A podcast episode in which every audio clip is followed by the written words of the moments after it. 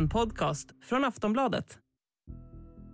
Um, the Russians undoubtedly have suffered a significant setback, and the Ukrainians have been very clever in, in what they've been doing. And you can see right here the town, the city of Izium, which was a key conquest by the Russians early on in the conflict, that is now mostly under Ukrainian control. The Russian news agency is urging Russian speakers in that part of Ukraine to evacuate into Russia. That's a dramatic development. They wouldn't be doing that unless they felt they were in danger. En ukrainsk blixtoffensiv verkar ha tagit Ryssland helt på sängen. Och nu kan det nog finnas fog för ockupationsmakten att känna en viss oro. Ungefär sju månader in i Ukraina-kriget, efter en sommar där ingen av de två sidorna nådde några större framgångar, skulle man kunna tro att energin vore låg hos den ukrainska armén. Men tvärtom. Nu slår de till med en full attack mot ryskockuperade områden i öst. Och offensiven har varit lyckad. Ukraina trycker på allt mer framgångsrikt mot den ryska gränsen just nu. Och sammanlagt har de ukrainska styrkorna lyckats återta mer än 20 samhällen. Så hur stor är den här vändningen i kriget som vi ser just nu? Är det det här som vi kommer att minnas som vändpunkten? Kommer Ukraina lyckas ta tillbaka all rysk ockuperad mark? Och vad händer inom den ryska armén? Har de blivit betydligt försvagade? Eller vad kan förklara den ukrainska arméns framgångar? Idag i Aftonbladet Daily pratar vi om de ukrainska framgångarna i kriget och om de är här för att stanna. Jag heter Vilma Ljunggren och med mig i studion har jag Joakim Paasikivi, strategilärare vid Försvarshögskolan och överste löjtnant. Han får börja med att berätta vilka områden det är som Ukraina har tagit tillbaka. Det man pratar om är eh, Charkiv Oblast, alltså Charkiv län som ligger i nordost eh, runt eh, ja, Charkiv då naturligtvis, som är Ukrainas andra största stad. Och där har man i praktiken slängt ut ryssarna från hela det länet. Eh, och det har gått oerhört snabbt, oerhört framgångsrikt, en, en mycket imponerande militär, operativ och taktisk överraskning och sen har man genomfört striden väl. Men ukrainarna tar också terräng i söder, fast det hör vi inte riktigt lika mycket om. Och enligt Zelensky så har ryssarna slagit tillbaka genom att strypa eltillförseln i de här områdena. Hur ser det ut där just nu? Ja, alltså minutläget vet jag inte, utan jag har sett precis samma rapporter som de flesta i media att man från rysk sida har slagit mot infrastruktur, mot eh, elförsörjning och då slår man ut elen så slår man ju också ut vatten och annat. Eh, och det har ju ingen militär nytta det här utan det gör man ju enbart för att ja, ställa till problem från den ryska sidan. Eh, jävlas med ukrainarna. Och mot civilbefolkningen? Då? Ja, ja visst, eh, men det är ju ett känt modus från ryssarna. Mm. Och när man pratar om de här militära framgångarna, är det just övertagandet av markområden som man syftar till eller går det framåt även på andra sätt? Nej men eh, det vi tenderar att glömma när vi tittar på kartan är ju att ja, men tar man tillbaks mark så, så befriar man människor. Det är ju byar, orter, städer som man återtar här och befriar. Eh, sen har mycket, eller stora delar av befolkningen har ju flytt västerut men de kommer ju nu ha en möjlighet efterhand att flytta hem igen och det är också Alltså svaga grupper har ju alltid varit kvar som inte har kunnat eller velat flytta på sig. Så här är inte bara att man befriar mark utan det är människor. Eh, och, och, då, jag menar, en kort utvikning, det är ju samma när man pratar om fredsförhandlingar eh, och sånt där, att man skulle lämna ifrån sig land. Nej, i första hand lämnar man ifrån sig människor. Och många talar ju om att ukrainska styrkorna varit väldigt duktiga i det här. Vad menar man med att de är duktiga? Ja, att man både då har eh, nått den här operativa överraskningen. Man har kunnat flytta stora förband upp till Charkivfronten i hemlighet. Eh, och sen taktiskt har man kunnat överraska ryssarna, det vill säga var exakt man ska sätta in dem. Och så har man taktiskt varit väldigt duktig att föra striderna, alltså man har varit snabba. Man har använt det som ja, vi kallar kombinerade vapen, alltså man gått fram med både pansar, infanteri, artilleri och, och luftvärn så att man har både anfallskraft och skydd för sig själv. Eh, och ryssarna har inte, ja de har varit ja, dåliga helt enkelt. De har vikt, de har blivit slagna och de har flytt.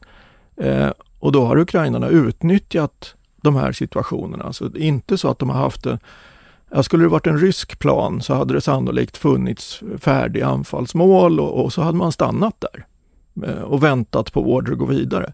Eh, så gör ju inte ukrainarna utan här är det eh, positiv rapportering. Jag har tagit mitt mål, jag går vidare mot. Eh, jag skulle gissa att det är ungefär så det har låtit. Att man utnyttjar de situationerna. Eh, väldigt rörligt, väldigt skickligt. Men under sommaren så har det väl varit lite mer stilla under kriget. Var kommer den här ukrainska energin ifrån? Ja, eh, de har ju nu haft ja, några månader under hårt tryck i Donbass. Stora förluster hela tiden. Och det, det, måste vi också komma ihåg. Alltså ingen av de här eh, offensiverna från Ukrains sida är eh, gratis. Det kostar mycket, många människoliv de också, även när det går bra. Men det ukrainarna har gjort är att de har tagit eh, och byggt upp nya förband och, och reorganiserat sina slitna förband. Sett till att de får ny materiel, västmaterielen, eh, utbildning där det behövs och sen så har man satt in dem så att de har varit relativt fräscha. Och dessutom så, ja, inte bara försvarar man sitt land utan nu befriar man sitt land också. Det, verkar som att man har fått en, en, extra boost av det. Alltså det har ju hela tiden varit en väldigt stark försvarsvilja i de ukrainska förbanden. I princip. Alltså när det var som värst i Donbass, då, då var det några som hade det svårt och, och de här sämst utbildade territorialförsvarsförbanden, där var det rapporter om deserteringar och annat. Men, men nu, ja men det går framåt och, och här ja, eh, besjälas det enligt all information som jag har sett av, av en riktig entusiasm. De är glada. Och dessutom när man kommer till by efter by efter by och blir hälsad som befriare. Eh, och det finns en massa filmklipp på också. Eh, ja, då känns det nog rätt skönt. Mm. Men visst är det så att Zelensky ändå vädjar omvärlden om mer vapen? Ja nu? visst, alltså det behövs mycket vapen för att befria landet. Även om man har tagit stora delar nu så är det fortfarande väldigt mycket kvar som är behärskat av ryssarna, eller ryssarna åtminstone sitter på. Eh, så här behövs det en stadig tillförsel av vapen och ammunition. Och, och samtidigt så sker en, en omstrukturering av den ukrainska eh, armén. Alltså från gammal östmateriel eh, så, så, får man ju nu mer och mer västmateriel. Och, så man håller liksom under kriget på och omsätter hela armén så att när man kommer ut på andra sidan någonstans i 2023, då kommer ja, det, det kommer vara svårt att känna igen ska vi säga, den ukrainska armén från 24 februari i år jämfört med, med någonstans i mitten på nästa år. Alltså hela materielparken kommer att ha förnyats. Aftonbladet Daily är snart tillbaka. Quality sleep is essential for boosting energy, recovery and well-being. So, take your sleep to the next level with Sleep Number. With a Sleep Number smart bed, you can individualize your comfort level and enjoy a better sleep night after night. JD Power ranks Sleep Number number 1 in customer satisfaction with mattresses purchased in-store. And now the Queen Sleep Number C4 smart bed is only $1,599, a saving of $300 only for a limited time. For JD Power 2023 award information, visit jdpower.com/awards. Only at Sleep Number stores or sleepnumber.com.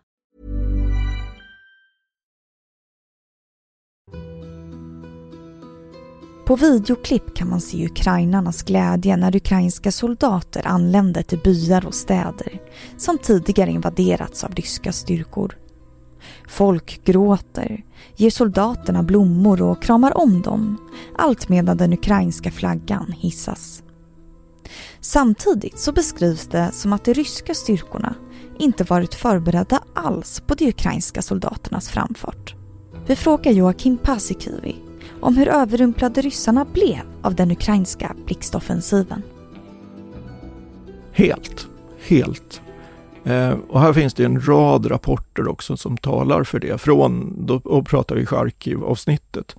Eh, att, att man verkligen inte eh, visste. Alltså det finns små lokala indikationer på att man visste ungefär vart det barkade sådär någon dag innan på lokal nivå. Det, det har kommit ut bilder på eh, sådana här uppsägningspapper, handskrivna från ryska eh, officerare och soldater som, som liksom säger upp sig eh, från Izium när ukrainarna har tagit då stabsplatser och annat sånt.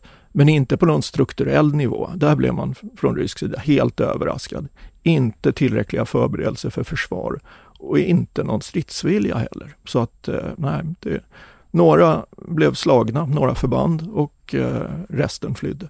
Ja, Putin hade vi till exempel en order om att den ryska armén skulle ha full kontroll över hela Donbass före den 15 september. Hur ser det ut att bli med det till exempel? Ja, eh, det kommer ju inte hända alls. Eh, alltså nu börjar ukrainarna återta delar av Luhansk, alltså den norra av de här två eh, länen som utgör Donbass. Det är Luhansk lite norr om Donetsk då. Och att man också går mot Donetsk. Eh, Donetsk eh, har ju ryssarna inte lyckats ta och Luhansk hade man i princip tagit hela från rysk sida och nu börjar man bli tillbakatryckt. Så att det blir ytterligare en så här neslig eh, kan vi säga, omformulering på rysk sida om att allt går enligt plan men så får man förändra planen efterhand då som de har gjort. Vad säger Putin om de här ukrainska framgångarna? Jag har inte sett några uttalanden alls. De enda rapporter som jag har sett som är, ja, det är ukrainsk press det mesta, så det är väldigt svårt att veta om det går att lita på heller, är att eh, han skulle ha ställt in möten med generalstaben. Eh, och, och, stämmer det så är det ju, ja, det är väl ungefär som att, att sätta händerna över öronen och, och, och verkligen inte vilja höra. Så att jag gissar att han har all information men att de nu försöker krishantera. Men jag har ingen aning om det är så. Det berättas ju även om att styret i Sankt Petersburg öppet börjar våga kritisera Putin nu. Vad vet du om det? Ja, det här är ju lokalpolitiker i, ska vi säga, på, på ganska låg nivå som har skickat in en skrivelse till eh, duman om att Putin ska avsättas därför att han har dragit in landet i krig och så vidare. Och det här fylls på nu i, i av andra lokalpolitiker. Jag läste nu på morgonen att det var ett 80-tal som hade skrivit på samma sak. Så att det verkar finnas någon slags pyrande missnöje. Det här är förenat med vissa risker. Eh, några av de här har blivit, så vitt jag förstår, då, den ganska sporadiska rapporteringen, fått polisbesök eller blivit uppkallad till polisen. Men än så länge inga större straff. Alltså det är bötesbrott för att ha förolämpat armén. Men, eh, det verkar pyra lite grann där i alla fall. Om vi går tillbaka till de här områdena som ukrainska styrkorna har befriat, som varit ryskockuperade. Det börjar väl utredas krigsbrott, att det ska ha skett krigsbrott i de här områdena, tortyr av civilbefolkningen etc. Vad vet du om det? Ja, här finns det också då en rad filmklipp eh, och, och, samma nypa salt där. Alltså det, det, verkar trovärdigt men än så länge så är, finns det inga oberoende rapporter om det här. Men bakom de ukrainska trupperna så kommer ju då civil administration och polis och andra.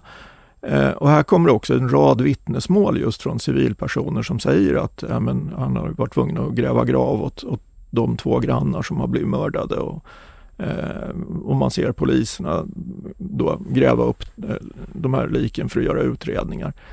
Och det här är ju en, en liksom, tragiskt nog samma mönster som vi har sett från andra ockuperade ställen. Det vill säga ryssarna begår övergrepp eh, och sen befrias byarna och så upptäcks det här. Och framåt då, om Ukraina ändå lyckats nå de här framgångarna, kanske de lyckas även i andra områden. Vad väntas vara Ukrainas nästa drag? Ja, alltså det som jag eh, nästintill är säker på kommer att hända är att de ryska förbanden som står med ryggen mot Dnipro i Cherson och är satta under hårt tryck från ukrainarna. Eh, där kommer vi se en, en intressant utveckling under den kommande veckan, kanske två veckor, när deras underhåll helt är slut. Och då blir det, eh, huvudalternativen är kapitulera eller simma över Dnipro. Så här kommer det bli ganska stort, tror jag. Eh, jag tror det kommer vara många som kommer att ge sig till ukrainarna. Eh, men det börjar också komma en del information som jag har väldigt svårt att värdera. Eh, men att ukrainarna skulle gå fram i Zaporizjzja och söderut mot Melitopol. Alltså möjligen försöka skära av den här landbryggan mellan ja, Rostov, ryska gränsen och Krim. Kapa den på mitten. Och skulle man gå in och lyckas med en offensiv där också, då kommer det bli en oerhört svår situation för ryssarna. Men det är svårt. Alltså, offensiv på tre fronter för ukrainarna låter mycket, men, men det har gått bra hittills. Och den här eh, blixtoffensiven som vi har pratat om idag, tror du att vi kommer minnas det här som den stora vändningen i kriget? Jag tror att det finns en stor möjlighet till det. Ehm, jag har svårt att se vad ryssarna skulle kunna gräva upp för motdrag. Alltså det, den ryska armén som är insatt är i princip en engångsarmé. Det är ganska tomt bakom. Det finns inte några stora reserver hemma. Det kommer också rapporter om att, eh, också obekräftat än så länge, att, att, ryss, eh, att Kreml skulle ha bestämt att man inte ska skicka in fler förband till Ukraina. Ehm, så det skulle kunna vara en indikation på att man nu har insett att det går inte så bra. Ehm, jag tror att det är en vändpunkt. Det finns mycket som talar för det, men kriget är inte vunnet på ett tag än. Joakim, tack så mycket för att du gästade Aftonbladet Daily idag. Tack väl. Du har hört Aftonbladet Daily med Joakim Paasikivi, strategilärare vid Försvarshögskolan och överste löjtnant. Jag heter Vilma Ljunggren och tack för att du har lyssnat.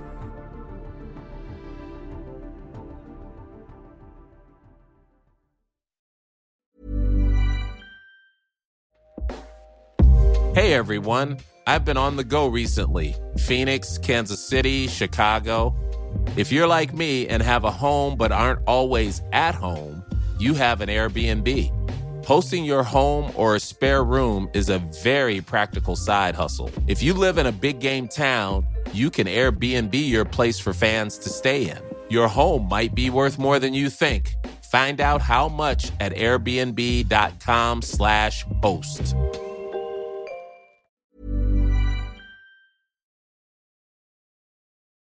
Du har lyssnat på en podcast från Aftonbladet. Ansvarig utgivare är Lena K Samuelsson.